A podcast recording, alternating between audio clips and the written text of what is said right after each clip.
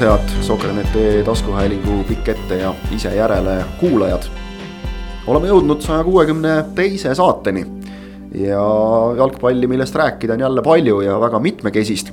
on äh, rääkida premium-liigast ennekõike, sest et seal oli vähemalt üks väga põnev mäng ja õige mitu äh, niisama head kohtumist veel saame rääkida eestlaste tegudest välismaal, see on alati hea päev, kui, kui sellest saab juttu teha, saame rääkida Eesti naistekoondise tegudest äh, Lilleküla staadionil. ka sellest on alati rõõm rääkida, saame rääkida välismaa jalgpallist, mis on jäänud meil viimastes äh, saadetes pigem vaeslapse ossa.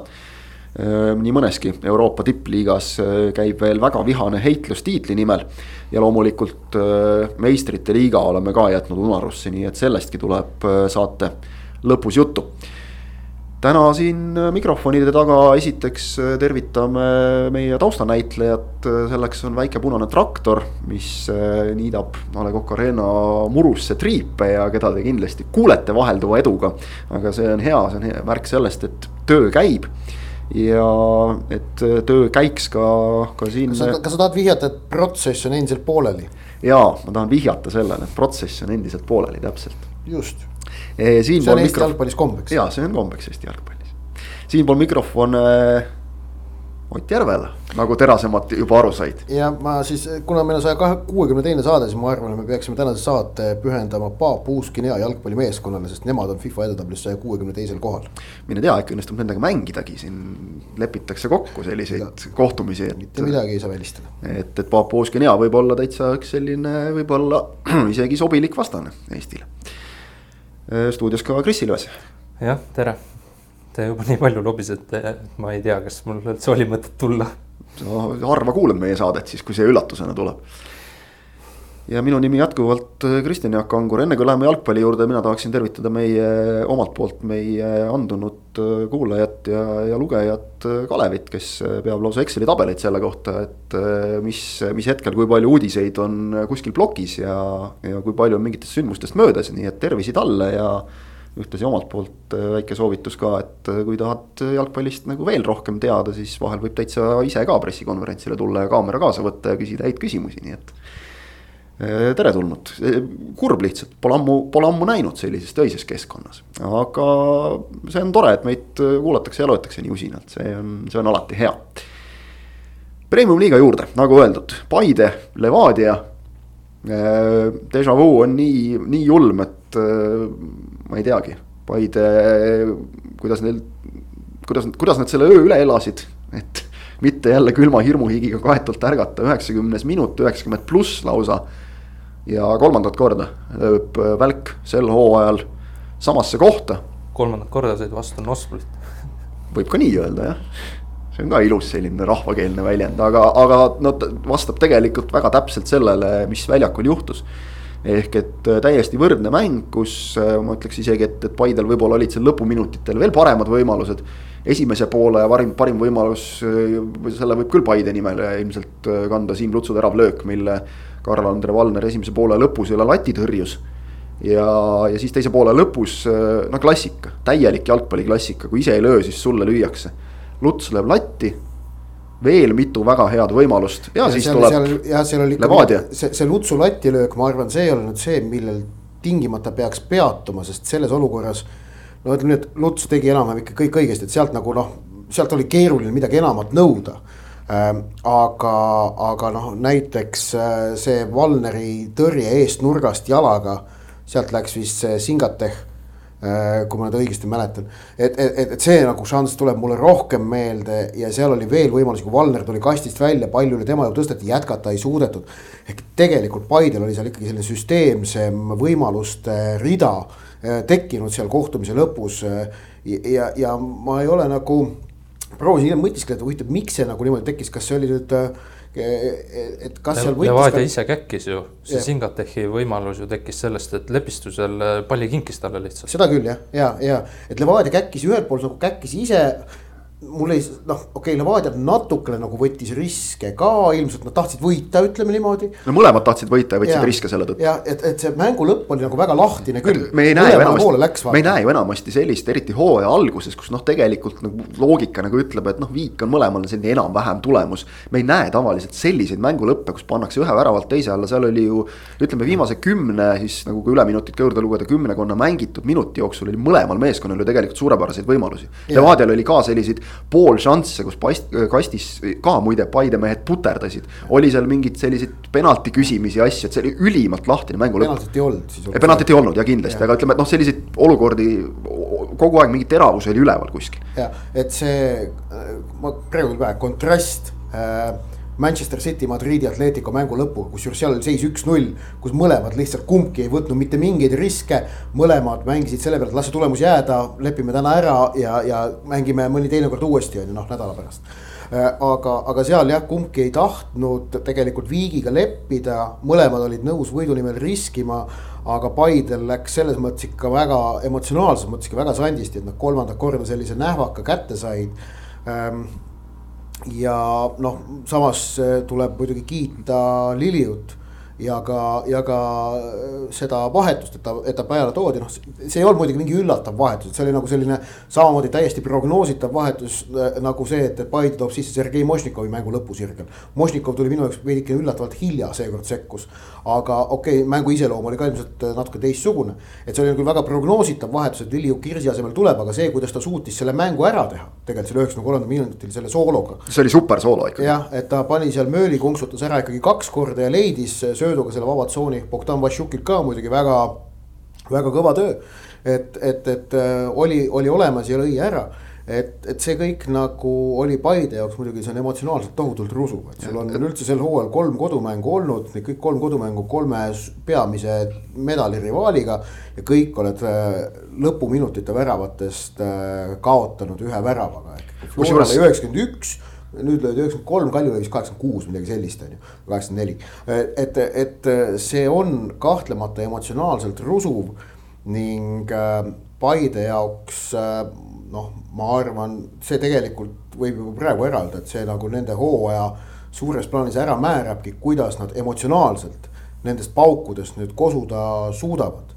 ja, ja sest noh, et see võib kanduda üle ka ju teistesse mängudesse on ju, mis oleks probleem kahtlemata äh, Paide jaoks et. vaatasin kaheksakümne seitsmendal Kalju värav. jah, et, et, et, et sellised, sellised, aga, aga see kõik on nagu üks osa jalgpallist ja, ja samas on ka see, et kui nad suudavad sellest jällegi välja tulla kollektiivina, siis siis see nagu ähm, ma usun, on, on neile vägagi turgutav signaal.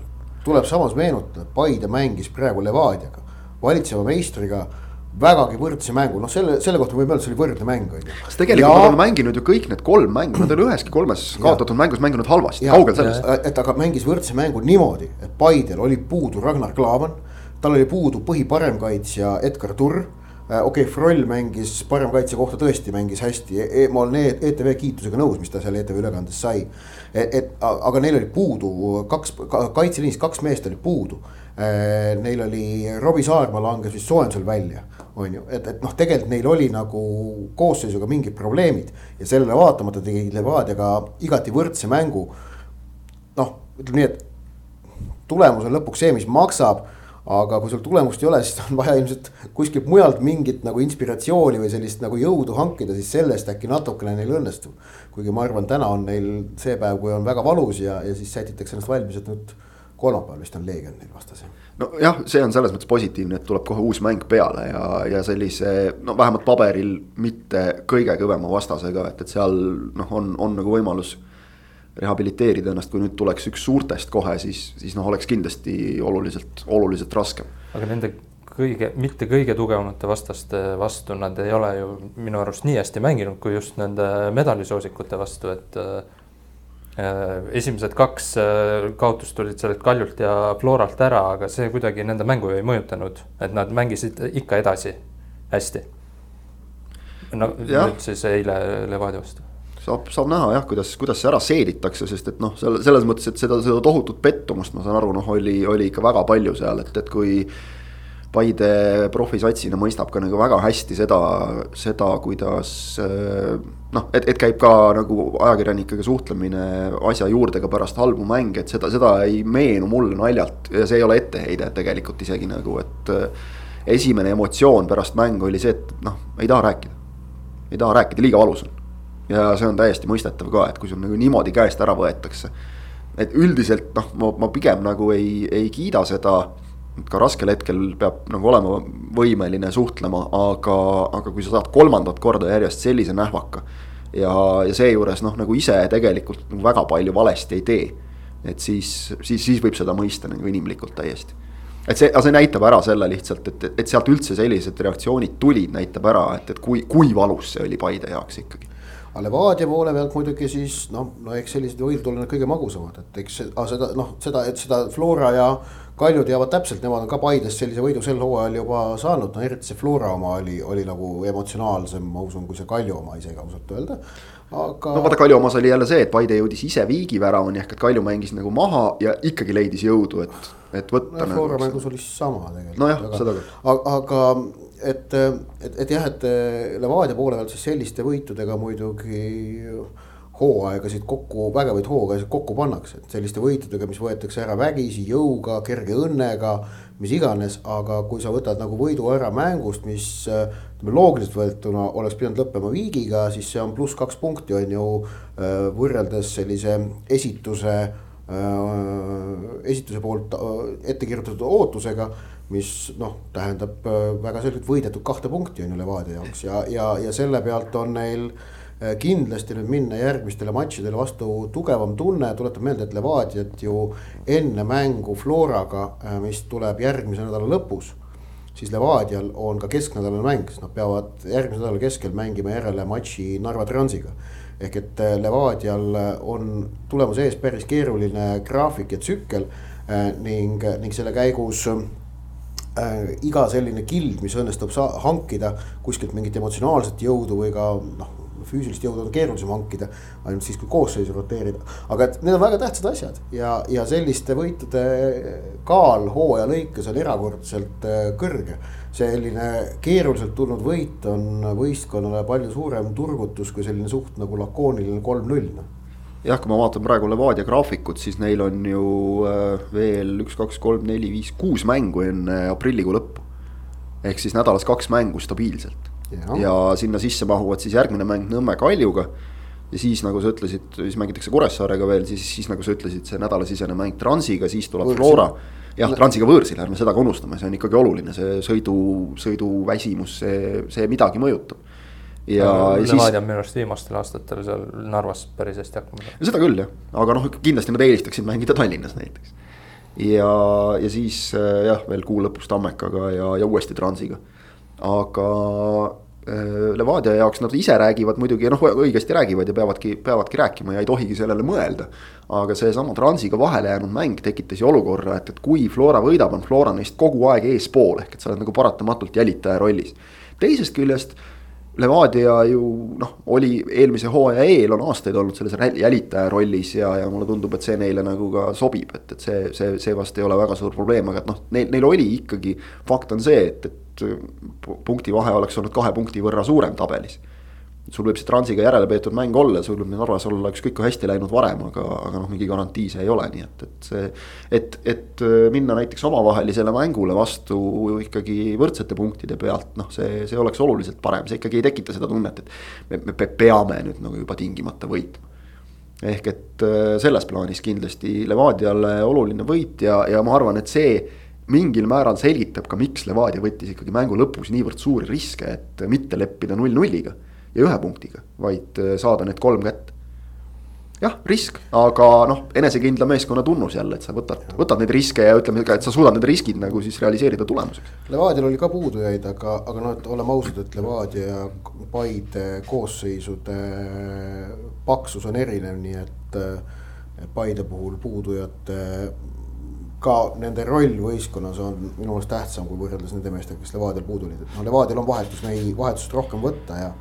Nojah, see on see, et, et kui sul on seal ütleme Marko Putintšanil puudu ja sa saad panna väljakule Iljan Tonovi, siis noh, sul on päris hästi, sul on päris hästi selle sügavusega tegelikult seal. ja just sellega, et selle tummisusega, selle sügavuse mõttes ka, et Paidel võib ju olla palju ka noori mängijaid, aga noh, see on vähe teine asi.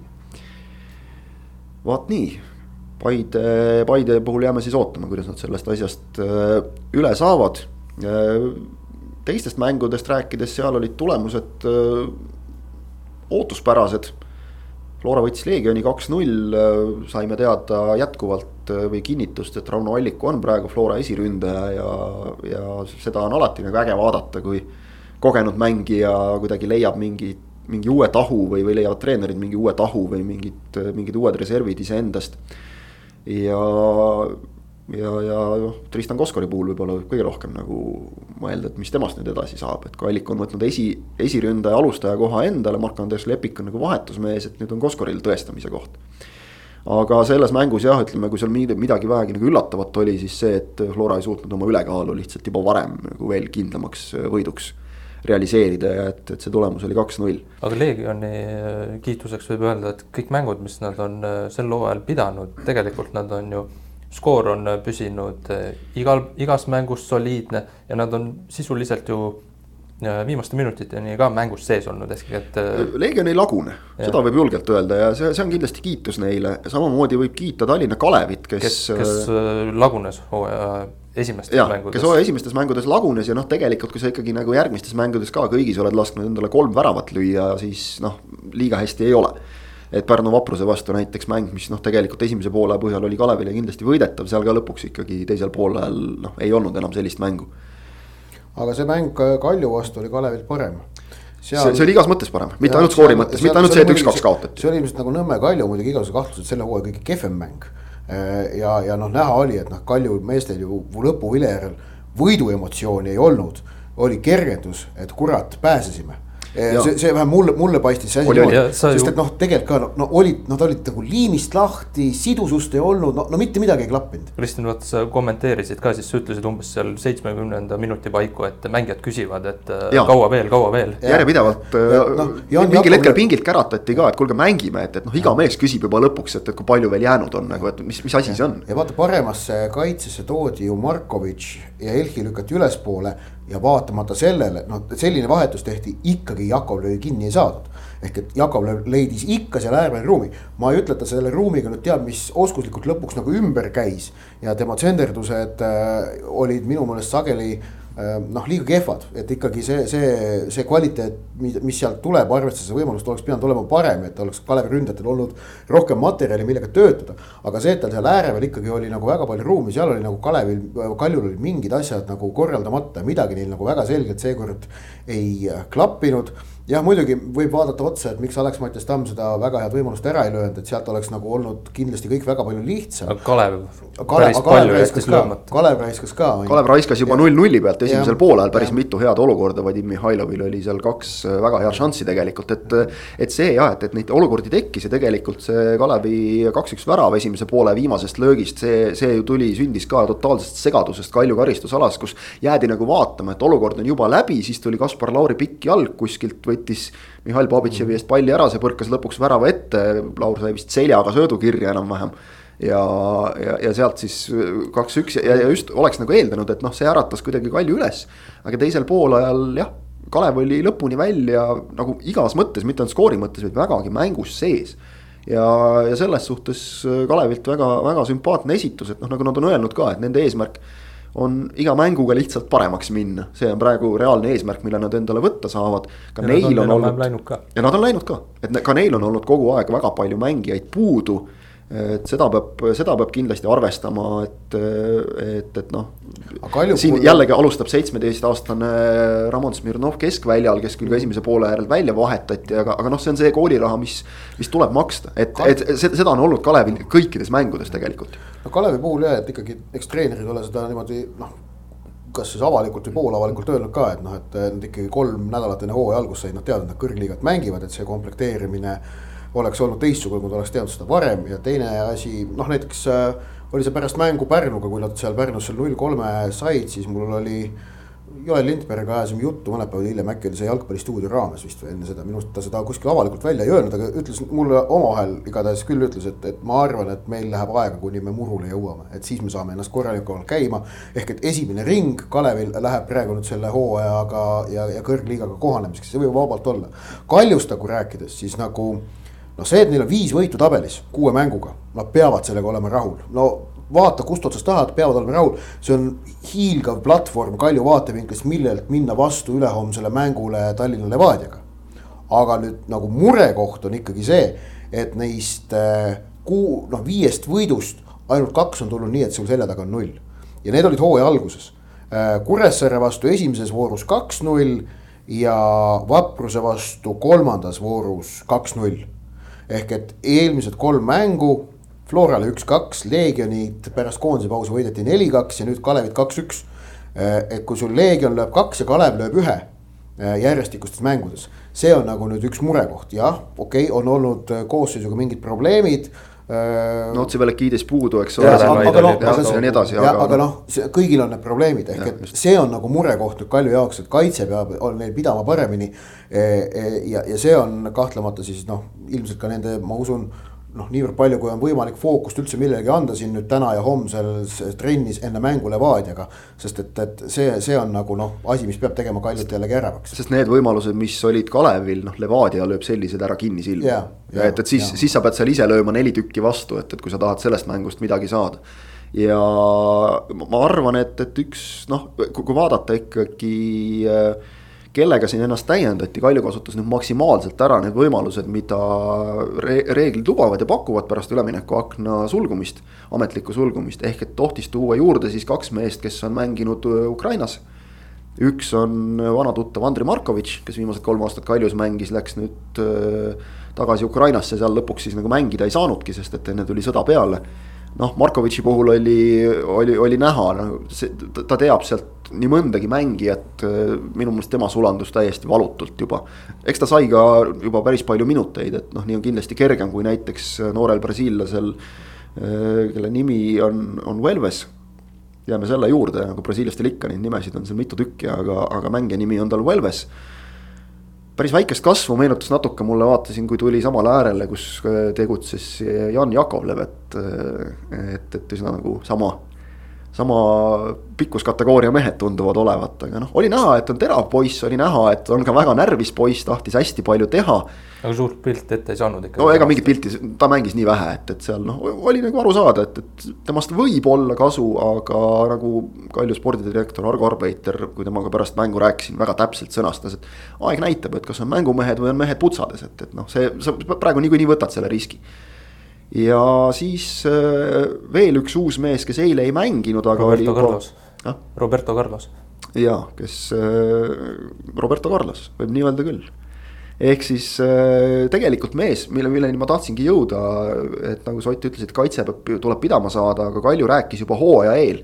et üks positsioon, kuhu nad tahavad meest, on number kuus et kuue peal on neil kedagi vaja ja ma ütleks, et isegi probleemid ka Kalevi vastu ei alanud mitte niivõrd äh, sellest, et äh, oleks äh, kaitses need asjad nagu nii kohutavad olnud, aga keskväljalt ka ikkagi purjetati läbi, et, et see German Schleini, Igor Subbotini keskväli ei, ei suutnud asju kontrolli all hoida. Andre Fotšin oli puudu, kuna sai eelmises mängus vigastada, et noh, temast oli, oli puudust nagu näha täiesti selgelt.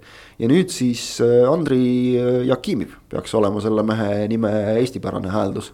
ukrainlasest äh, kahekümne nelja aastane kaitsev poolkaitsja, mees, kes on mänginud mitme meeskonna eest Ukraina kõrgliigas, liitus ka Inhuletsiga, Ukraina kõrgliiga klubiga siin eelmisel aastal seal istus pingil peamiselt ja kuna tema siis lõpetas nendega lepingu selle aasta alguses, oli vaba agent see tähendab seda, et, et teda sai siis veel palgata nagu veel lisaks ühe sellise mängija saavad kõik tuua endale.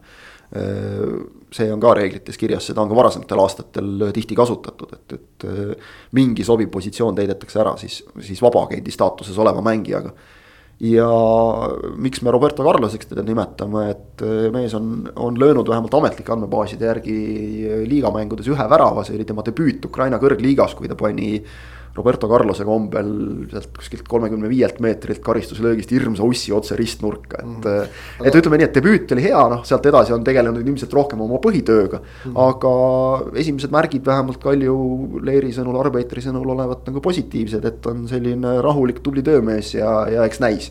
aga et kui Kalju saab endale nüüd korraliku number kuue ka ikkagi seda keskvälja tsementeerima natukene, siis ma arvan, et võib ka kaitseliinis asi minna paremaks, et kui sa tegelikult Kalju kaitseliini nimede poolest vaatad, siis, siis see, see liin peaks pidama paremini, kui senised mängud on näidanud. kahju on, et Sivelikidis vigastada sai, sellepärast alustas ju hooaega väga hästi korralikult mängis ja võib-olla, võib-olla see on ka üks murekoht. kindlasti see... on, kindlasti on nõus, aga seal on nüüd äh, huvitav vaadata seda, et kui see, kui see uus, uus tüüp nagu tuleb ja, ja ilmselt võtab selle noh, alumise pooliku koha endale, et kas Kalju muudab ka siis endal.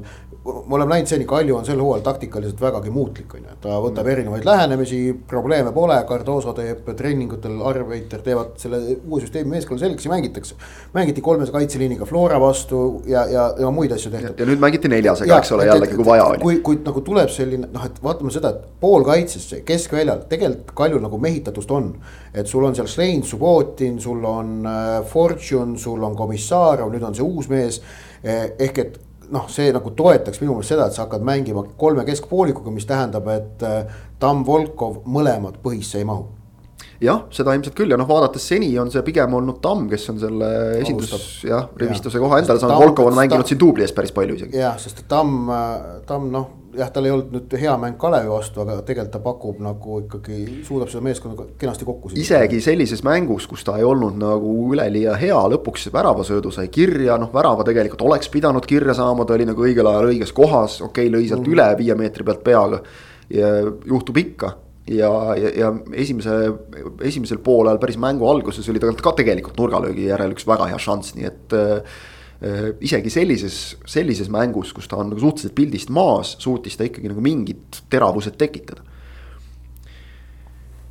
Kaljust nii palju ja Kalevist ka, eks neil mõlemal samamoodi mäng läheb paremaks veel, üks meeskond, kes on ka veel vigastustega nagu päris hädas, on Kuressaare ja selle hädasoleku tulemus see, et kaotati Tartu Tammekale üks-null Äh, otsesed konkurendid omavahel, Tammekal oli seda võitu nagu väga hädasti vaja, Kuressaarel noh, ega nad selle taha pugema ei hakka, aga, aga see on fakt, et.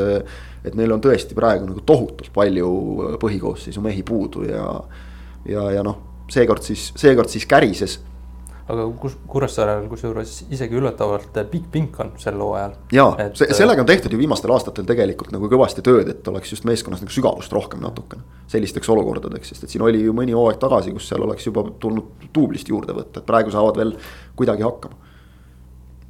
Äh, noh, nagu loogiline, et, et meeskond, kellel on, on vähe kõrgemad sihid ikkagi nagu ka siis selles plaanis sihib kõrgemale ja siis veel Transvaprus äh,, Deniss Tedesco oma legendi staatust kindlustas jälle väravaga. ta on selline põnev tegija, ta on äh,, vot see on see, et. mina kasutaks, mina kasutaks nagu sõnapaari mina kasutaks sõnapaari punkvana. ja, ja nõus, et suudab nagu üllatavalt sageli pakkuda midagi sellist vägagi ootamatut, kuigi tema puhul need ootamatused on muutunud nüüd juba oodatuteks. sest ta on neid oma selle napi transismi mängitud aja jooksul suutnud pakkuda päris palju ja päris erinevat sorti. aga tegemist on sellise väga huvitava, selgelt näha, huvitava mängumehega ja, ja ma arvan, ta on selline väga hea täiendus Eesti, Eesti premium-liigale ja kui väljaku mängija mängib numbriga üks, siis see on alati ka äge. see on alati äge jah, ta on selline noh, püüdmata olla kusjuures, aga ta on selline karakter. jaa, nõus. see on, ma olen just nõus, et, et Narva Transile on nagu äge ja isegi nagu ma tema puhul hindaks just seda, et see on, vahel peab olema mingi mängumees, kelle juures ei ole isegi noh, ta on mänguliselt ka väga hea otse loomulikult, aga et, et kelle juures isegi see ei ole nagu esmatähtis, vaid kes, kes annaks värvi lihtsalt liigale ja, ja see on, on seal nagu vägagi olemas ja lisaks siis äh, Trans kordas seda, mida, mida pakkus äh, eelmises voorus vist Levadia, kui äh, Levadia mees Šedri sai kohe kirja oma esimese värava Eesti liigas, oli mõned minutid väljakul olnud. üheksa vist, nüüd läks siis. kaheksa, üheksandal lõi jah. jah, kaheksa-üheksa minutit, eks ole, vähem kui kümme minutit, nüüd läks siis neli minutit aega Volodõmõr Prijomovi nimelisel mehel, et tulla sisse ja kohe skoorida ja, ja lisaks siis Trans ka on kasutanud neid äh, erandeid reeglites äh, ka selline mees nagu Aleksandr Koženikov sai, sai nüüd siis debüüdi kirja, nii et noh, jällegi nende meeste kohta väga raske midagi öelda, ootame ja vaatame, aga, aga vaikselt see Transi koosseis, mis tundus hooaja eel, et on võib-olla natukene hõredam kui, kui näiteks eelmisel aastal on jällegi täienenud. aga kas Sakarjuka on kuidagi sellest äh, pildist äh, välja langenud, et äh, ei ole päris sama Sakarjuka, kes eelnevalt. jaa, Aleksandr Sakarjuka, kes vist kas eelmises, kui mitte üle-eelmises voorus, üle-eelmine oligi see, mis ära jäi vist. ta alustas hooaega ka, kui oli tõbine või just, tal oli minu mäletamist mööda, kui ma ei eksi, oli tal ka Covid, nii et äh, me ei tea, millise jälje see jätab, aga siin ühes mängus ta alles vahetati esimese poole järel välja, mis noh, on ka ikkagi suhteliselt nagu haruldane ilma mingi vigastuse või mingi sellise asjata. ehk et, äh, et no tundub, et ta, ta ei ole praegu nagu päris mänguvormis, aga jällegi võib vaadata niipidi, et kui Trans võtab siis... tulemusi ka ilma Sakarljukata, siis on nende jaoks kõik hästi ja no Transi puhul endiselt on see, et nii kogenud peatreeneril on, on käekiri paigas. ja, ja eks see toob ka tulemusi vaprusel, samal ajal noh, on, on nagu jälle endiselt ikkagi mõtteainet, kuidas oma, oma kooslus korralikult toimima saada. vaat nii palju premium-liigast Äh, siin tõesti tuleb mänge kiiresti ja hulga kaupa. nii et on millest rääkida juba, juba sel nädalal jälle topeltvoor ja, ja, ja siis järgmisel ka siin igasuguseid kohtumisi veel, nii et. parafraseerides siis äh, president Arnold Rüütlit, siis on äh, tänapäeva premium-liiga paratamatu tõsiasi, et kohtumisi peetakse suurel hulgal ja äh, hulgikaupa või kuidas see oli, jah. no ja kiiresti, kiiresti ja hulga kaupa, inimesed reisisid temal vist kiiresti ja, ja hulga kaupa, jah, aga. meil siis inimesed jooksevad väljakul kiiresti ja hulga kaupa, see on tore. suurtel kiirustel ja hulga kaupa. suurtel kiirustel ja hulga kaupa, just täpselt. Äh, eestlased äh, on teinud tegusid ka piiri taga, see on, on ka alati positiivne, noh midagi ei, ei saa muidugi parata, et, et kui olles ikkagi nagu ehtne eestlane, siis äh, võtame ikkagi klaasi pooltühjana, et, et väga tore, kui Lassi Sinjavski lööb värava. väga tore, kui Henri Anier lööb kaks tükki ja aitab meeskonna jälle võidule. kui Mattias Käit annab väravasöödu jällegi Rumeenias kui äh, Rocco Robert Shane paugutab Hollandis nii, et noh, üks värav pandi kirja vastase oma väravana, aga noh, sisuliselt võib selle nagu Shane'i väravaks peaaegu lugeda, tema pealelöök see oli ja, ja lisaks veel kaks. või, või tsenderdus. no mis iganes see oli, aga noh, väravasse, väravasse see lõpuks ikkagi nagu niimoodi läks, et, et selle seal mõne, võib-olla oleks mõnel pool pandud see ka Shane'i väravaks klubi koduleht vist tituleeriski rõõmsalt kohe, noh, nemad tunnistame, on natukene erapoolikud selles osas. aga tituleeris selle ka Shane'i väravaks äh,. liiga koduleht vaatasin, märkis ikkagi oma väravaks, aga selleks. noh, sisuliselt tegi Shane üks pluss kaks mängu, sest kaks väravasöötu tulid ka ja, ja meenutame, et, et see on Hollandi esiliiga kus äh, on käinud mängimas Erik Sorga, on mäng, käinud mängimas Rauno Sappinen äh, on mänginud veel mitmed Eesti mehed ja sugugi mitte kõik kes on olnud nagu täitsa koondises põhitegijad, ei ole seal säranud. Shane särab praegu, ehk siis minu meelest äh, kahe otsaga asi. üleskutse, et Shane võiks olla Eesti A-koondises, tundub ühtepidi igati loogiline. teisest küljest äh, see, kas ta Eesti A-koondises ka reaalselt väljakule pääseks on juba natukene võib-olla küsitavam. kas keegi seda, kus see üleskutse on või kes selle teinud on? no. mina oma peas praegu ka. jah aga..., ei ütleme, ei, see tekitab nagu automaatselt ikkagi siukse tunde, et noh, kui selline mees nagu Hollandi esiliigas niimoodi paugutab, et, et noh, siis ta väärib koondise kutset. ma arvan, et samas, kui Eesti koondisel äh, tekivad nüüd sellised mängud, maavõistlusmängud, miks mitte proovida? vot see ongi nüüd see, et kui meil on maavõistlusmängud, siis saab proovida, see, et ta praegu Küprose. mängudes proovitakse neid mehi, kes punkti peale mängudes on jäänud pingile ehk et ma arvan, maavõistlusmängudes saavad võimaluse Markus Poom, Markus Soomets, Bogdan Vašjuk, kui me keskpoolkaitsjatest konkreetselt räägime. Äh, ma tahaks näha, Michael Lillander saaks võimaluse, kes on olnud praegu pikalt koondises, aga pole eriti nagu platsile saanud. ehk et ma arvan, et proovitakse, Robert Kirss saab võimaluse juunikuus kindlasti. ehk et äh, ja samas on selge see, et ei noh, olles Häberliga ajanud juttu nii intervjuude raames kui ka veidikene enne ja pärast seda siis ma ei eelda küll, ei ole mul mitte mingit tunnet, et maavõistlused saavad olema selline koht, kus ainsatki põhimeest sul ei kasutata. ei saa, vaid, vaid ka neist tulevad ikkagi eh, noh, sellised mängud, kus, kus jah, natukene võetakse uusi Äh, või, või natukene mängitatakse neid, kes, kes nagu varem pole selles ringis äh, mänguaega eriti saanud, aga ringis on sees olnud. ma ei usu, et ka juunikuus teab, mis palju uusi koondislasi me näeme, võib-olla mõnda, võib-olla mõnda üksikut. Aga, aga, aga võib-olla, võib-olla, võib-olla mitte rohkem. ja, ja noh, et see, see on, see on selge, et näed, see on tema stiil, nii on lihtsalt noh ma saan aru, et ta saaks äh, U kahekümne ühes äh, rohkem mänguaega ja mängupraktikat äh, rahvusvahelisel tasemel peale siis klubimängude, aga ma leian ikkagi, et Häberli võiks ta kutsuda ja ise üle vaadata.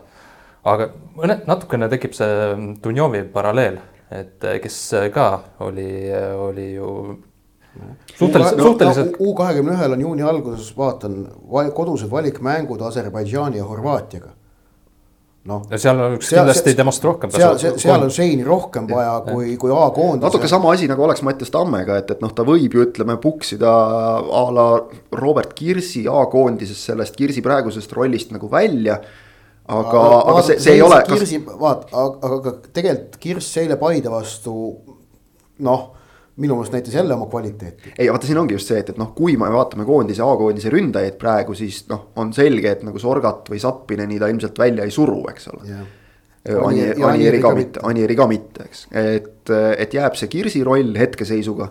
ja, ja siis on nüüd see küsimus, et, et kas Tammel on sellest nagu rohkem kasu või on rohkem kasu sellest, kui ta lööb väravaid U kakskümmend üks koondise eest nagu viimati, eks ole, et ta tegi skoori.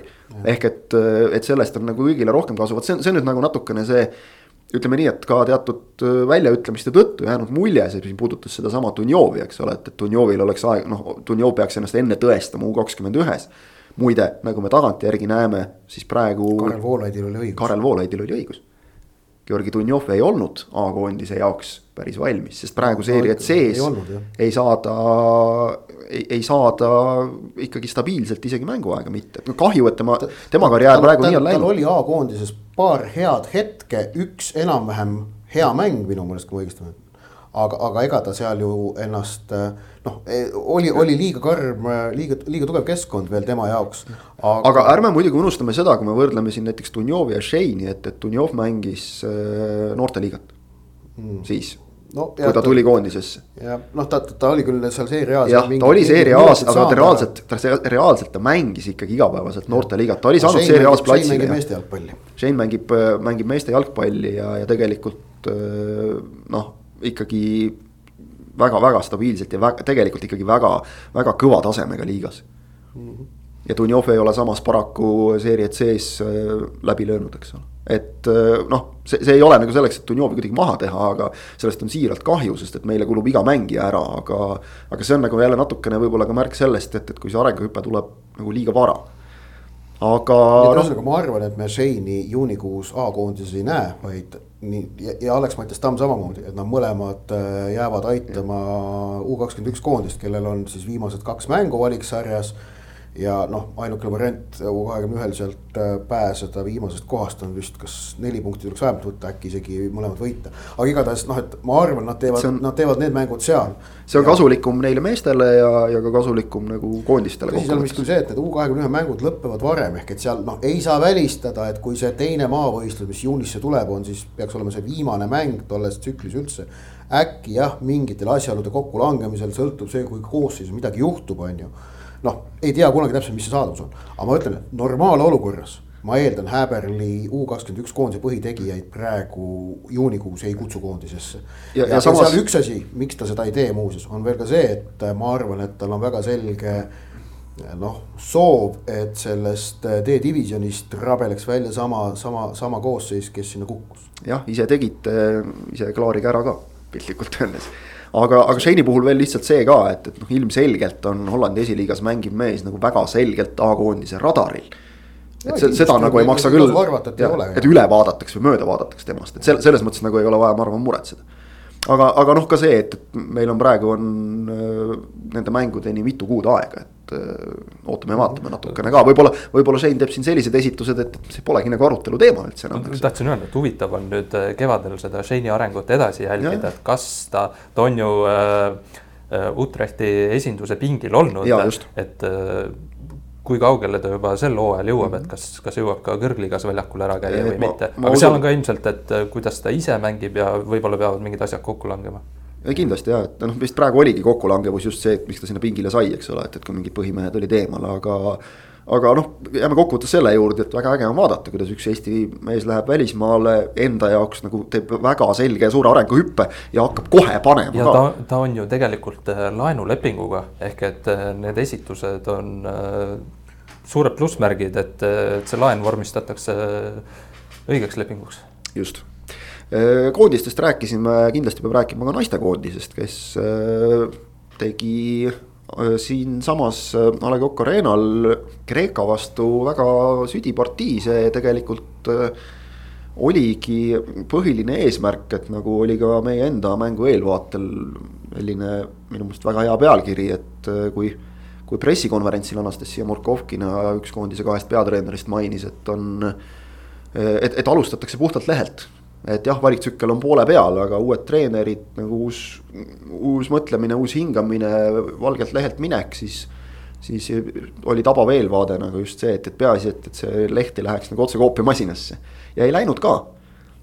noh, tahaks nagu mõelda, et me oleme kaugemal, eks ole, aga see on asjade reaalsus, et me peame olema ka rõõmsad selle üle, et väravate arve suudeti avada Kreeka on teinud korralikke mänge, Kreekal oli neli punkti, meil oli null punkti no,. püsiti, püsiti et, mängus mängu lõpuni. just, just. et, et noh no, tuldi null kahe pealt kahe üsnagi sellise noh nagu õnnetu värava järel. tuldi ikkagi null kahe pealt mängu tagasi mm aga, aga noh, et see on, siiski, see on siiski väga esialgu väikene valim, mille pealt anda, anda sellist natuke põhjapanevamat hinnangut, see on see, kui treeneri vahetus on, treenerite vahetus on, on toimunud sellega on ikkagi ka näha selgelt mängijate valik äh, muutunud. Äh, et siis äh, noh, jah, et ühe mängu pealt on hinnangut keeruline anda, nüüd homme on kordusmäng. mängitakse Kreekaga sama vastasega võõrsil. noh, siis saab juba äkki mingeid natukene rohkem järeldusi teha, aga tegelikult ma arvan, siis noh, sellised näitamise kohad on, on tegelikult paratamatult juuni lõpus ja septembri alguses toimuvad mängud Kasahstaniga. kes on selles valikgrupis äh, sarnaselt Eestile praegu null punkti peal. ja, ja on selles mõttes reaalselt võttes nagu kõige jõukohasem, kõige jõukohasem vastane ja, ja seal on siis see näitamise koht ja tulemuse tegemise koht, et kas see, kas see õnnestub või mitte. et sinna vahele jääb veel ka mäng Prantsusmaaga, kus, mis on kodus. noh, seal on lihtsalt see, et seal on see proovida nagu säilitada tulemuse väärikus, et noh, et maailma top kümme riigiga mängides, seal ongi äh, Eesti naiskonnal väga keeruline midagi muud loota ja aga, sellele ma tähelepanu väga ja, ei pööraks. aga üks varasem näide on sellest hea olemas mäng Hollandiga, eks no, ole, kus seda suudeti, et. jah, aga, aga need mängud kasahhidega äh, suvel ja sügisel on siis need näitamise kohad, et, et, et sealt, sealt ja siis. ma arvan, nende põhjal tuleb ka jalgpalliliidul teha otsus, et kas sama treenerite paariga jätkata või mitte, sest et Äh, on ju Anastasia Markovkini, Sirje Ropsi leping ongi käesoleva aasta lõpuni esialgu tehtud ja siis seejärel vaadatakse, vaadatakse edasi. selle esimese Kreeka mängu põhi, põhieesmärk äh, oligi noh, nagu selline positiivsus, nagu hea hingamine koondises taastada, ma arvan, et see, sellega saadi juba praegu hakkama, aga loomulikult. sõltub nüüd homsest mängust ka, et, et jah, et kui, kui seal nagu peaks koledaks minema, siis see natukene jälle võib seda ära võtta, nii et uh, hoidkem pöialt. Ja noh, tõestuseks, et päris kõik meie noortekoondised ka ikkagi kogu aeg ei kaota, ainult siis uh, U seitseteist tüdrukud, kes valmistuvad koduseks finaalturniiriks, nii nagu meil siin mõne aasta eest, kahe tuhande kolmanda aasta U seitseteist poiste vanusekäik valmistus, loodame, et neil see turniir tuleb ka ikkagi reaalselt mängisid äh, sõprusturniiri Soomega väga südilt võideldi, kaotati küll üks-kaks, aga, aga oldi lõpuni mängus sees jällegi ja, ja viimase kümne minuti jooksul Soomel õnnestus ära lüüa. ja siis võideti Armeeniat üks-null ja Lätit lausa viis-üks, nii et äh, noh, jällegi tõestus sellest, et nii nagu nii nagu Norbert Hurda treenerite tiim töötas selle kahe tuhande kolmanda aasta U seitseteist koondisega nagu väga intensiivselt ja, ja, ja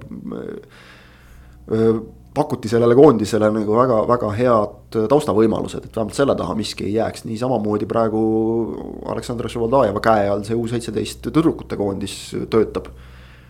noh, ilmselgelt on nagu näha, et see, see peab olema, see peab olema standard, mitte erand, kui me ja, tahame mingeid tulemusi saada. küsimuse tõesti, et noh, et me saame aru, et või noh, see on, see on arusaadav, et ressursse on piiratud hulk äh,. igal pool peaaegu äh, ja, ja kas Eesti jalgpalli sees oleks asjakohane jagada ümber ressursse natukene niimoodi, et äh, noortekoondistele tõepoolest tagada kõigile säärane teenindus nagu, nagu oli see Hurda juhendatud U seitseteist noormehed ja praegu see Valdaja juhendatud U seitseteist neiud et noh, mul kolleeg Andres Vaher on, on seda nagu väga intensiivselt äh, rõhunud, et see peaks olema oluline. ja vajadusel võtta see raha ära näiteks premium-liigast, et see kahtlemata on, on, on mõttekoht, et noh, premium-liigast on võimalik raha ära võtta erinevatel moel, et see, see on kulukas asi jalgpalliliidul. jah, kui sinna on viidud seda väga erineval moel, siis on ka ja. võimalik ära võtta tõesti, et äh, see, see on mõttekoht, see on suur mõttekoht kindlasti jah, et äh, et ideaalis muidugi noh, jaguks mõlemale, aga kui tuleb valida, siis nagu tundub miskipärast tulevikule panustamine natukene, natukene selline parem pikaajalisem plaan nii palju Eesti jalgpallist, millest me tegelikult nagu endale lubasime enne saadet, et seekord räägime võrdlemisi vähe, aga näed mm, -hmm. ei läinud päris nii.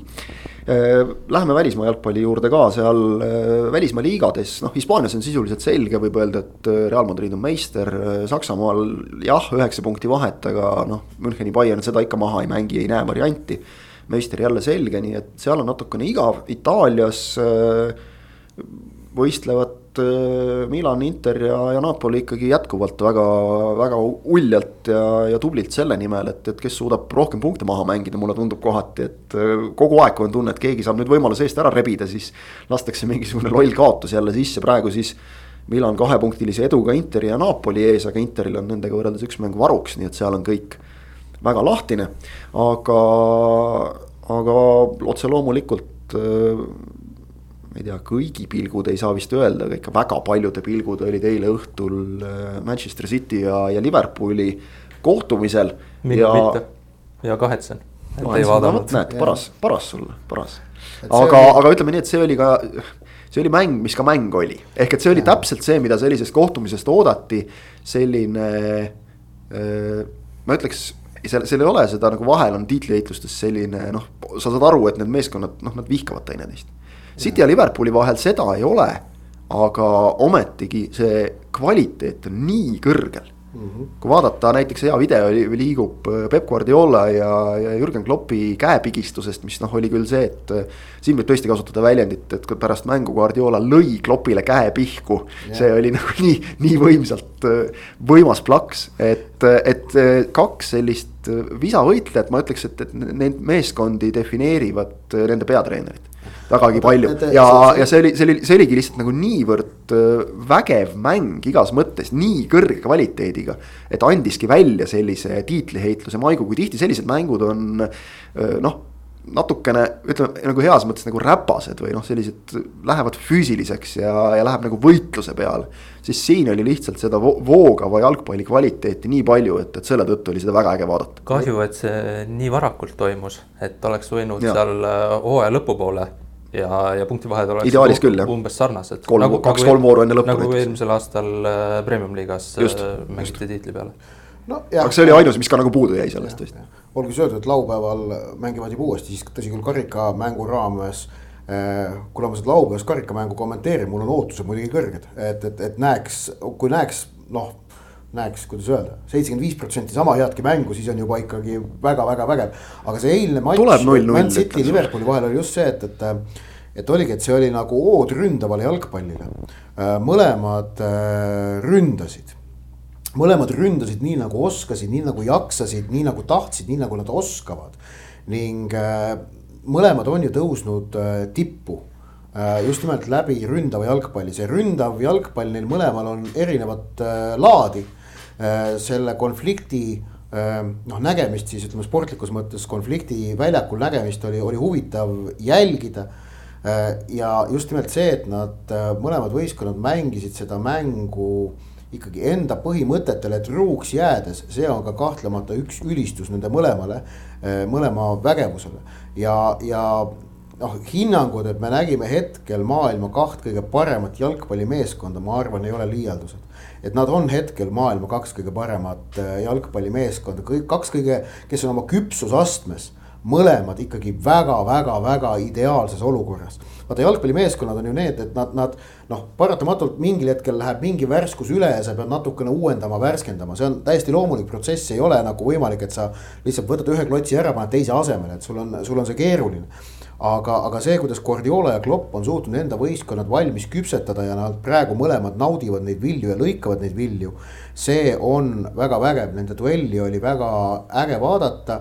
Äh, ja ma arvan, et äh, see lähebki väga pingeliselt lõpuni välja, et see mäng viiki jäi, oli kokkuvõttes suures plaanis nagu enam-vähem ilmselt õiglane, kuigi noh, tegelikult on need mängud sellised, ükskõik kuhu lähevad, noh, võib juhtuda no, marginaalid ongi niivõrd väikesed, jah, seal Hea. olid küsimused, et miks, miks Fabinho punast kaarti ei saanud, see küsimus mul ka tekkis.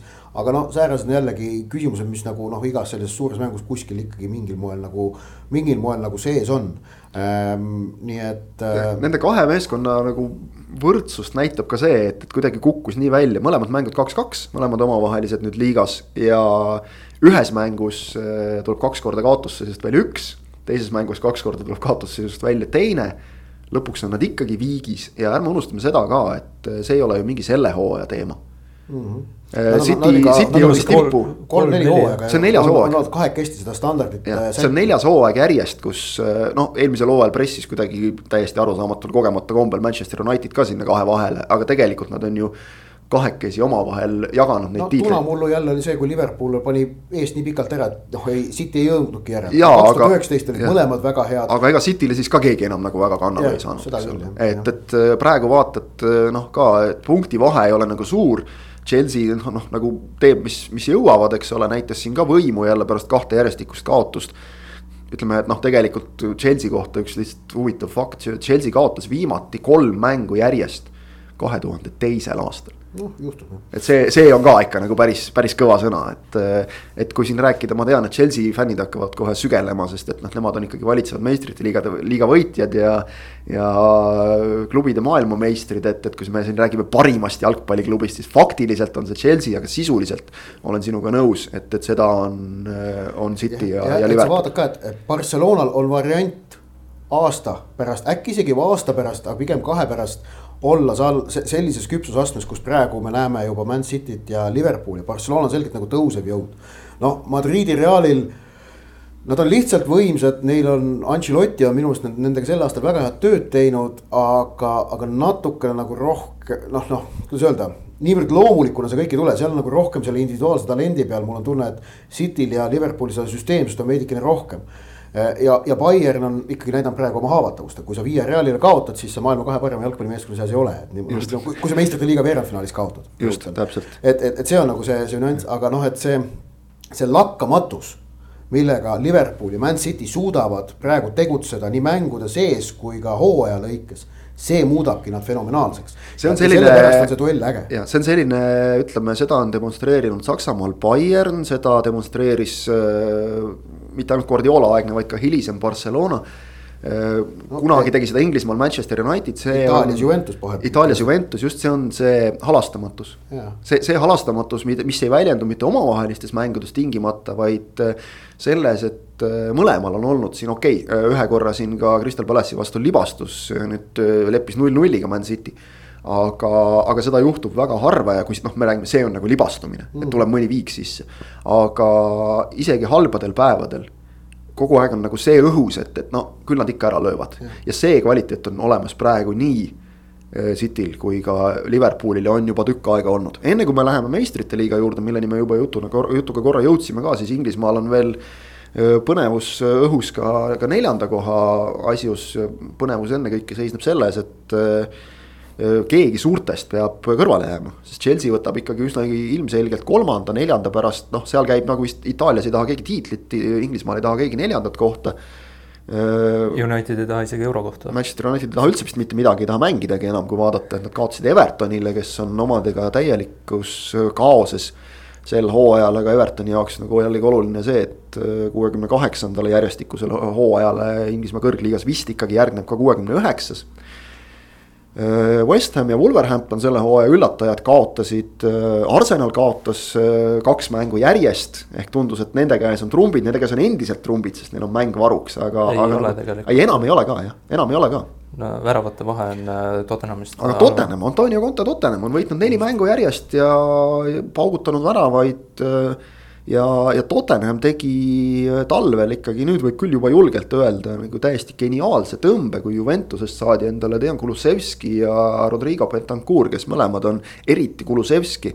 aga noh, ütleme Bentancuri roll ei ole nagu olla nii silmapaistev kõrvalt vaadates, aga kui tema mängu jälgida, siis on aru saada, kui, kui tähtis ta tegelikult on väljakul. ehk et saadi Juventusest need kaks meest, üks siis laenule, teine päriseks juba ja tuli välja, et vist on need äh, pusletükid, mis puudu olid, sest et äh,.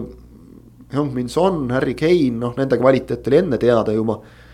ja, ja Spurs on, on tõusnud praegu neljanda koha nagu põhipretendendiks, aga selle kõige juures tsiteerime legendaarset Sir Alex Fergusoni lauset, lads it's Tottenham ehk et äh, sealt võib veel igasuguseid mahamängimisi tulla, sel hooajal juba on tundunud, et Conte ja Tottenham on uuel tasemel ja siis tuli järjest kaotusi jälle. kaks tuhat kuusteist oli teatavasti tiitlivõitlus Leicester City versus Tottenham Hotspur ning selle lõpetuseks Tottenham Hotspuri äh, üks fänn, mu hea tuttav äh, armastas ikka kuulutada selle kokkuvõtteks, et Who managed to come third in a two horse race? Fucking Tottenham Hotspur nii ta on, et Spurs on osanud varem Sest mängida. Arsenal võttis toona hõbeda. Arsenal võttis hõbeda ja no Arsenal ka veel, Arsenal ka veel, eks ole, et kui tiitel läks siis. sealt ei tulnud ka Saint Ottering, Totte, tähendab Saint Otteringham's-Dale juhtus ka tollel kevadel. tõsi, paar aastat hiljem enam ei juhtunud ja siis Pochettino lahendas selle ära ikkagi jah, kuidagimoodi, aga jah no,, Spurs, Spurs on legendaarne mahamäng. sa ikkagi väga olulised uudised vaatad taaskord mööda taaskord vaatad mööda. miks me eirame ikkagi Nottingham Foresti jalgpalliklubi tegemisi, sellepärast et kahekordne Euroopa meisterklubi. Ähm, noh, ehk et noh, Nottingham Forestil on täpselt sama palju Euroopa meistritiitleid kui kõigil Londoni jalgpalliklubidel kokku ähm, on, on Inglismaa esiliigas järjest kolme järjestikuse võiduga, mis nad pärast seda, kui nad Liverpoolile karikamängu kaotasid null-üks. Kolm mängu järjest võitnud, tõusnud tabelis praegu juba kolmandaks kahe hulka, seal on Fulham, Bournemouth paistavad ikkagi vist kipuvad need otsepääsmed ära võtma. aga nad on äh, pärast Steve Cooperi peatreeneriks asumist Nottingham on läbi terve hooaja ülihästi nagu tõusvas joones liikunud. ja Nottingham Foresti naasmine, ma arvan, Premier League'i, kui see peaks juhtuma, see oleks üks väga äge asi, see on selline retrolaks. millal nad mängisid viimati? mängisid üheksakümnendatel viimati, ma ütleksin peast Pole jah, ma aastat, aastat ei ütle, aga. mina mäletan seda, kui mina Soome kahe pealt. aga nad on siis äh, Premier League'is ikka mänginud? jaa, Premier League'i ajast nad on mänginud jah. aga jah, mitte, mitte kuigi kauaks. aga, aga seal League One'is ära käinud. see on äge, kui tulevad ajalooga klubid jälle alt üles kõrgliigas. jah, aga samas on see, et vaatad Inglismaa esiliiga kahekümne nelja liikmelist äh, tabelit ja siis on see, et sellist nagu tundmatuid satse. kes sul Premier League'i mõttes oleks tundmatud, sul seal ei olegi, et, et sul on noh, Fulham, Bournemouth, Nottingham Forest, Huddersfield Town, Sheffield United, Blackburn Rovers on, noh, Rovers on meistriks olnud, Millsborough, noh. vaata, kui kõik... sa vähegi, kui sa vähegi oskad nagu rahaga ümber käia, siis see finantsmuskel, mille sa kaasa saad, kui sa oled vähemalt korra kõrgliigas ära käinud. see on nii arvestatav, seal on need äh, parachute payments ja kõik sellised asjad, et, et just noh see raha, raha, raha, no midagi ei ole teha, sa saad endale paremaid mängijaid palgata ja, ja paremaid treenereid ja see mängib rolli, midagi ja, ei ole teha. soovit-, ühesõnaga jah, et mina olen siin juba mõnda aega nüüd Nottingham Forestil taaskord veidikene rohkem silma peal hoidnud ja, ja hoian veel, et see on see on äge. et see Leeds Unitedi naasmine Premier League'i, see oli selles mõttes äge, aga see Nottingham Foresti naasmine oleks siis veel ägedam. ja, sest et noh, Foresti ajalugu on ikkagi nagu veel suurem see kui. Brian Clough'i yeah. pärand, mis seal ikkagi seda kantakse edasi, et sa oled ühekordne Inglismaa meister, aga kahekordne Euroopa meister ainukene klubi maailmas. aga sa lugesid selle tabeli seal ei, mitte järjest, Luton Town oli ka veel sees, esikaheksas. kaugel see Blackburn on, et neid, neid oleks ka huvitav uuesti näha. Blackburn on seitsmes hetkel. no neil on ka võimalus. Play-off'i joone peal jah. jah, kolmas kuni kuues lähevad play-off'i, kaks esimest lähevad. Alan Shearer peatreeneriks see läheb, ei ole midagi. jah, jah vot. nii, aga meistrite liiga juurde lubasime ka minna ja läheme nüüd, sellepärast et äh, me oleme tõesti meistrite liiga jätnud kuidagi vaeslapse rolli viimasel ajal. seal on ju noh, kohe-kohe saavad äh, päris need viimased paremad juba selgeks, et äh, veerandfinaali esimesed mängud peetud. Äh, räägime siis kõigepealt, räägime ajalises järjestuses, et, teisipäeval homme ees ootamas äh, Bayern, Villarreal, sellest oli meil juba servapidi juttu, et Bayern oskas ennast jälle raskesse seisu panna. Unai Emery on praegu lähedal ikkagi väga suure meistriteose maalimisele see on, see on, kui, kui ta Via Realiga läheb poolfinaali ja veel niimoodi, et läheb Bayerni vastust läbi pärast seda, kui ta on Juventusest jagu saanud.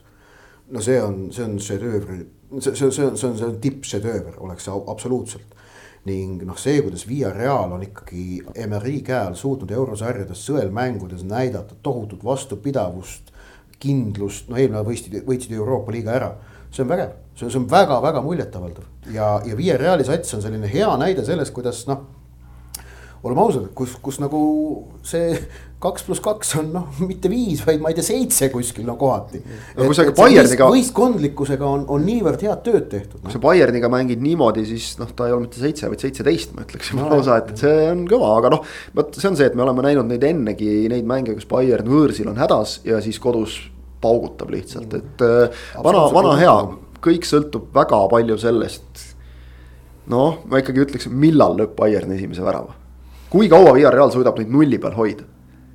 ei no Salzburgiga oli ka jah, et Bayerni esimene mäng üks-üks, kodus võitsid on ju seitse-üks mm. -hmm. et aga ma ei näe ausalt öelda, et väga oleks varianti midagi sellist äh, homme juhtuks. siin on ikkagi natuke juba teist posti vastane jah. Villarreal mulle natuke meenutab äh, Atletico Madridi ka kaitses väga kõva, aga Via Reali on lihtsalt mitu korda ilusam vaadata, sest nad äh, teevad ka teisel pool väljakut asju. ilusamad, üld, ilusamad kollasemad särgid on ka. see ka, aga ei, nad, neil on selline jah, natukene selles mõttes ma olen vägagi nõus, et, et ka, ka natukene sellist hipster vibe'i nagu veidikene seal, et see. see kulub alati. see, see peab olema, see peab olema, et Atleticoga on see häda, et noh tõesti Atleticot näiteks Man City vastu esimeses mängus vaadata, no jah, ma olen ka õppinud aja jooksul hindama jalgpallis seda näiteks, kui, kui tehakse väga distsiplineeritud kaitsetööd ja seda on ka äge vaadata. sulle ei meeldinud viis-viis-null kaitseasetus või? viis-viis-null oli väga äge kaitseasetus, jällegi sellist..., jällegi saan kasutada sõna punk mm.. kuidas ei pargi, pargitud ühte, vaid kaks bussi. selliseid mänge ei nagu järjepidevalt ei viitsiks vaadata, aga, aga sihuke kevadel korra-kaks on, on vähe vahel. vaata, siin on jällegi see, et, et kui Atletico ilmselgelt nagu City vastu ei ole nagu mingi soosik ja, ja nad hoiavad, kui nad hoiaksid minu jaoks on nagu see, et see on hästi nõme nagu, et tulemusest tulenevalt, et kui nad ikkagi lasevad ühe ära lüüa, siis tundub nagu, et no oli seda siis vaja, et see oli mõttetu. aga kui nad ära hoiaksid, vaat siis ei, mõtleks, et kõva. tegelikult seda, see, et null ühe pealt Atletico mängis samamoodi edasi, näitas, et nad tulid väga selge plaaniga. kaotada null üks. ei, Simeone plaan oli see, et äh, kodumänguks jääks võimalus alles ja null-üks, ühe või ükskõik milline üheväravaline kaotus selle võimaluse kahtlemata neile jätab. ma arvan, et nad mängivad kordusmängu samamoodi alustavad küll jah, ja, ja. ma olen no, ilmselt natukene ambitsioonikamalt, aga laias plaanis ma arvan ka, et lähenemine kolmapäeva õhtul Atletikult on isegi jah, võib öelda võrdlemisi samasugune. et, et nad lähevad ettevaatlikult peale, nad, mida kauem on olukord lahtine, seda suuremad on nende, nende see vaimne eelis. seda, nad panustavad selle peale, et seis on jah, võimalikult kaua viigis ja Cityl läheb mingil hetkel natukene kõhedaks, et pagan, äkki me kuidagi vääratame ja noh see ei ole kellegi jaoks uudis, et Atletico šansside realiseerimisel on üldjuhul ikkagi päris hea et noh, sul on seal Joao Felix ees, sul on Antoine Griezmann ees, sul on Luis Suarez ees. Need noh, nad võivad mitte küll tingimata särada, aga nad kõik kolm on hiilgavad ründajad. ma arvan, et Simeone on rahul, kui umbes seitsmekümnendal minutil on seis null-null. nõus.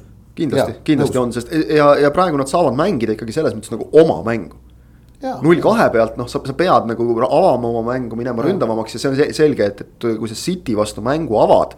siis sa peadki olema selline Liverpooli masti meeskond, et nendega nagu samas tempos püsida. Liverpool seda suudab, Atletico hoolimata oma ikkagi nagu väga headest ründajatest meeskonnana. kahtlen, et suudaks ja, ja siis tegelikult hüppame, hüppame tagasi teisipäeva veel, et no ega tegelikult kolmapäevasest teisest mängust ei olegi suurt midagi rääkida, Liverpool võitis Benfica vastu esimese mängu kolm-üks. ja, ja seal noh, kui imet ei sünni, siis, siis on see asi tehtud. aga Real Chelsea ikkagi hoolimata sellest, et ka esimene mäng kolm-üks või siis vabandan, parandan, Benzema Chelsea kolm-üks. sünge vana ikka. no müstiline mees, mees, kes mitu aastat sellest juba möödas on, kui ta maha kanti no neli-viis vähemalt. tal olid ju Ronaldo ja Bale kõrval, ega siis ei, ei paistnud niimoodi silma no,. aga ta on tegelikult kogu aeg, kümme aastat olnud tipp, maailmatasemel tipp. see stabiilsus on täiesti hämmastav, mida, mida Benzema on näidanud ja ikkagi see ka, et, et noh, kasvõi see Prantsusmaa koondisesse naasmine, kus lihtsalt lõpuks ta pani koondise treenerid ja alaliidu olukorda, kus temaga ei olnud võimalik enam mitte arvestada, teha seda Prantsusmaa koondise puhul kus sul ikkagi üldiselt on häid ründajaid alati olnud nagu jalaga segada, see on saavutus. ja, ja ta ju ka tõestas seda, et tema uuesti usaldamine oli põhjendatud. aga on..., aga, aga ikkagi on kuidagi see tunne, et see, see mäng ei ole veel otsustatud. aga ta, kui Benzema juurde veel naasta, siis äh kindlalt Ballon d'Ori kandidaat number üks, ma, mulle vähemalt tundub praegu. no see, see tähendab äh, vaata. see sõltub muidugi meistrite liiga edust jah ja,, et kuidas. tegelikult on see, et ma arvan, Ballon d'Ori võitja tuleb üpris tõenäoliselt vähemalt meistrite liiga finalist. sellepärast, et MM MM ei loe ju enam. ei loe jah ja., tänavune MM ei loe ja siis mulle keegi proovis kuskil seletada, aga noh, näed, siis on Aafrika meistrivõistlused, need loevad, Aafrika meistrivõistlused ei koti Ballon d'Ori mõistes mitte kedagi, sellepärast et nad on noh, ei ole piisavalt kõva turniir lihtsalt kahjuks nii on jah. ja kui... ei, tõsi on see, et samas jällegi, kui, kui Liverpool, Liverpool on finaalis ja ta on lisaargument aga, aga ehk et siis noh, Sala siis, siis, siis nagu Maneel on, on kahtlemata argument juures. kui Liverpool on finaalis ja Mane teeb siin meistrite liiga lõpus ka särava hooaja. Kui... aga äh,, aga, aga tähendab noh, ainuüksi sellest Aafrika meistrivõistlustest, see nüüd küll kedagi ei aita. praegu tuli selle Senegaliga seoses äh, mõte, et kui Chelsea peaks Äh, Reali vastu edasi minema ilmselt ei lähe ja Mendi peaks äh, säravaid esitusi poolfinaalis, finaalis tegema, siis temal on ka ju Aafrika meistritiitel olemas. ja on küll jah, aga ta, vaatame kuidas ta veerandfinaali esimesest septembrist jagu saab. ja ta on no,, ausalt öeldes. jumal paraku ta on, jumal paraku ta on väravavaht, et noh, see ja. midagi ei ole teha, see kahjuks mängib rolli ka seal noh ja ma usun, et Virgil van Dijk'i šansid võita Ballon d'Or on ükskõik, mis juhtub, ikkagi väikesed. kuigi see oleks õiglane, et ta võidaks. kui Liverpool tuleb Euroopa või see meistrite liiga võitjaks ja, ja Inglismaa meistriks, et nagu no, võiks ilmselt noh, tegelikult oleks asjakohane Van Dijk'i panust nagu tunnustada. Liverpoolil on ju võimalus võita neli karikat veel, liigakarikas on olemas FA Cup kahe võidu kaugusel, meistrite liiga nüüd siis tegelikult ju ainult mõne mängu kaugusel, eks ole, nelja võidu kaugusel. isegi järgmise mängu võib kaotada ka ma, ma, ma, jah, ma arvan, et, et ei, ei ole seal, seal tuleb jälle mingi ka see surve, et miks Aafrika mängijat ei tunnistata, tunnustata ja seal tuleb see, see, see teema tuleb ka üles, ehk et kaitset, kaitsel on keeruline. Eh, aga eh, sellest noh, konkreetselt nüüd homse Madridi Real Chelsea mängu juurde tulles, siis ausalt nagu natukene on keeruline näha, kuidas Chelsea ikkagi sisse tuleb sellesse mängu. et no tähendab, alati võib juhtuda ja jalgpallis ikka juhtubki asju ja ega, ega Chelsea's nüüd noh, kvaliteedi nappust nagu ei ole. aga ausalt öelda Real tundub ikkagi Ancelotti käel olevat piisavalt kindel, et nad ei mängi seda maha lihtsalt. no, no ma noh see oleks nagu väga üllatav, kui Carlo Ancelotti meeskond sellises olukorras kodus kolm-ühe maha mängib. sa sõnastasid väga hästi, et Chelsea võib teha väga palju asju väga õigesti, aga ikkagi selleks, et see edasipääs neile läheks, selleks peab Real maha mängima. Enne, see on Reali kaotada, see mäng praegu. kui ma enne ütlesin, et Simeone oleks rahul, kui seitsmekümnendal minutil oleks null-null, siis ma loodan, et see homne mäng tuleb selline, et seitsmekümnendal minutil Chelsea juhib vähemalt ühe väravaga et siis oleks neil umbes kakskümmend minutit aega, et see teine lüüa või siis noh, viigivärav ja mäng lisaajal viia. ma ei usu, et tuleb selline mäng. no ma ütlesin, ma loodan, et ja. tuleb me, me kõik loodame, et seitsmekümnendal minutil nagu on veel, mida vaadata, eks ole, aga jah, väga vabalt võib juhtuda, et eh, Bayern ja Real on selleks hetkeks veel, veel põnevam paar. et seal, siin on juba otsustatud asjad. just et äh, jah, see noh, jällegi oleme õnnelikud, et võõrsil väravate reegel ei kehti, sest et muidu me võiks juba Reali nagu edasipääsejaks märkida, et kolm-üks võõrsilt oleks olnud juba selline noh, unustage ära nagu, et seda. Poleks piisanud kaks nullist. just, et noh, jah, oleks, oleks vaja olnud nagu kolme väravat, noh, see oleks juba eos nagu nullinud selle asja ära, et selles plaanis selles plaanis on hästi, aga, aga üldjoontes on ikka hästi, et, et praegu saime siit nagu päris palju äh, nelja paari peale selliseid äh, põnevaid jutupunkte kokku. kolme. Okei okay,, kolme, jah, nõus. Nelja paari peale siis kolmed jutupunktid ütleme siis niimoodi, et see on ka hea, et vahel on olnud nii, et, et võib-olla ühes paaris on midagi ja ülejäänutega ütled, et noh, seal see võidab ju kõik. ja nüüd kolmapäeval on kolmapäeval see Liverpool Benfica. Nee, ja Benfica üllatab. jah, raudselt, raudselt, raudselt. ei no jälle nagu Ott ütles, et kõike võib juhtuda, eks ole, keegi võtab, seesama Van Dijk võtab sul teisel minutil punase ja mängu küll. Mm.. Jaremtšuk, kõik asjad võimalikud. Äh, jah, hea, et, äh, et, et on põhjust uskuda seda vähemalt, et. jalgpallisõbra jaoks tuleb väga intensiivne nädal, sellepärast ikkagi meistrite liiga veerandfinaali kordusmängud, kaks premium liiga vooru. kusjuures meil on siis jah, rõhutan kolmapäeva õhtul ju Levadia Kalju duell ja nädalavahetusel ka premium-liiga voor, rahvusvahelises, ma ei ole vaadanud, mis välisliigades toimub, aga ma ütlen Inglismaa karika poolfinaalid. ja mõlemad on ägedad mängud, okei okay,, Liverpool, Man City tuleb, tuleb laupäevane mäng noh, see on lihtsalt on ju see superduelli kordus, aga tegelikult see pühapäevane Chelsea Crystal Palace. Kõigi eelduste kohaselt, Chelsea on selleks ajaks Euroopast väljas. ja meistriks nad ka ei tule, see on Chelsea jaoks viimane võimalus midagi võita aga Crystal Palace on praegu Patrick Vieira all, eriti pärast seda, kui nad Arsenali kolm-null nüpeldasid. Nad on ikkagi saanud. ja City'ga tegid null-null ka ju. ja, ja nad on saanud ikkagi mingi sellise nagu selge enesekindluse kätte. Neil on vist üks kümnekonnast mängust minu meelest üks kaotus ainult liigas. Nad on, nad on, nad on kindlasti võimelised Chelsea't nõelama ja, ja selles mõttes tuleb ka see pühapäeval mäng, see võib olla Chelsea jaoks viimane võimalus sel hooajal endale veel mingi nagu lootus alles jätta. ja Palace tunnetab seda, noh, liiga koht on neil kindel, sellega on kõik mured, neil on praegu kaks mängu, et äh, võita karikas mis on noh, selle klubi ajaloos ma nüüd peast ei ütle, kas Palace on varem Inglise karika võitnud või mitte. finaalis mängisid mõned aastad tagasi. noh, nad võidavad üliharva midagi, on ju. et, et see on nagu täiesti harukordne šanss Palace'i jaoks. ärme. ütlen, et see pühapäevane mäng tuleb ka hea. pluss ärme unustame seda, et äh, tegemist on ka ikkagi Londoni derbiga. Palace Chelsea. Need kaks meeskonda asuvad, äh, kodustaadionid asuvad üsna lähedal teineteisele, nii et, et see on korralik, korralik madin. ja minu meelest küll. Palace on ikka täitsa Lõuna-Londonis ära. Londoni mõistes on see vähe. no kuule, ikka tund aega on rongiga minna, tegelikult ka. vähe no, Londoni klubid igatahes. ja, ja Palace'il on ka seda, me rääkisime Villarreali puhul seda sellist kõvasti, Palace'il on väga kõvasti seda, seda hipster vibe'i nii-öelda, et see on.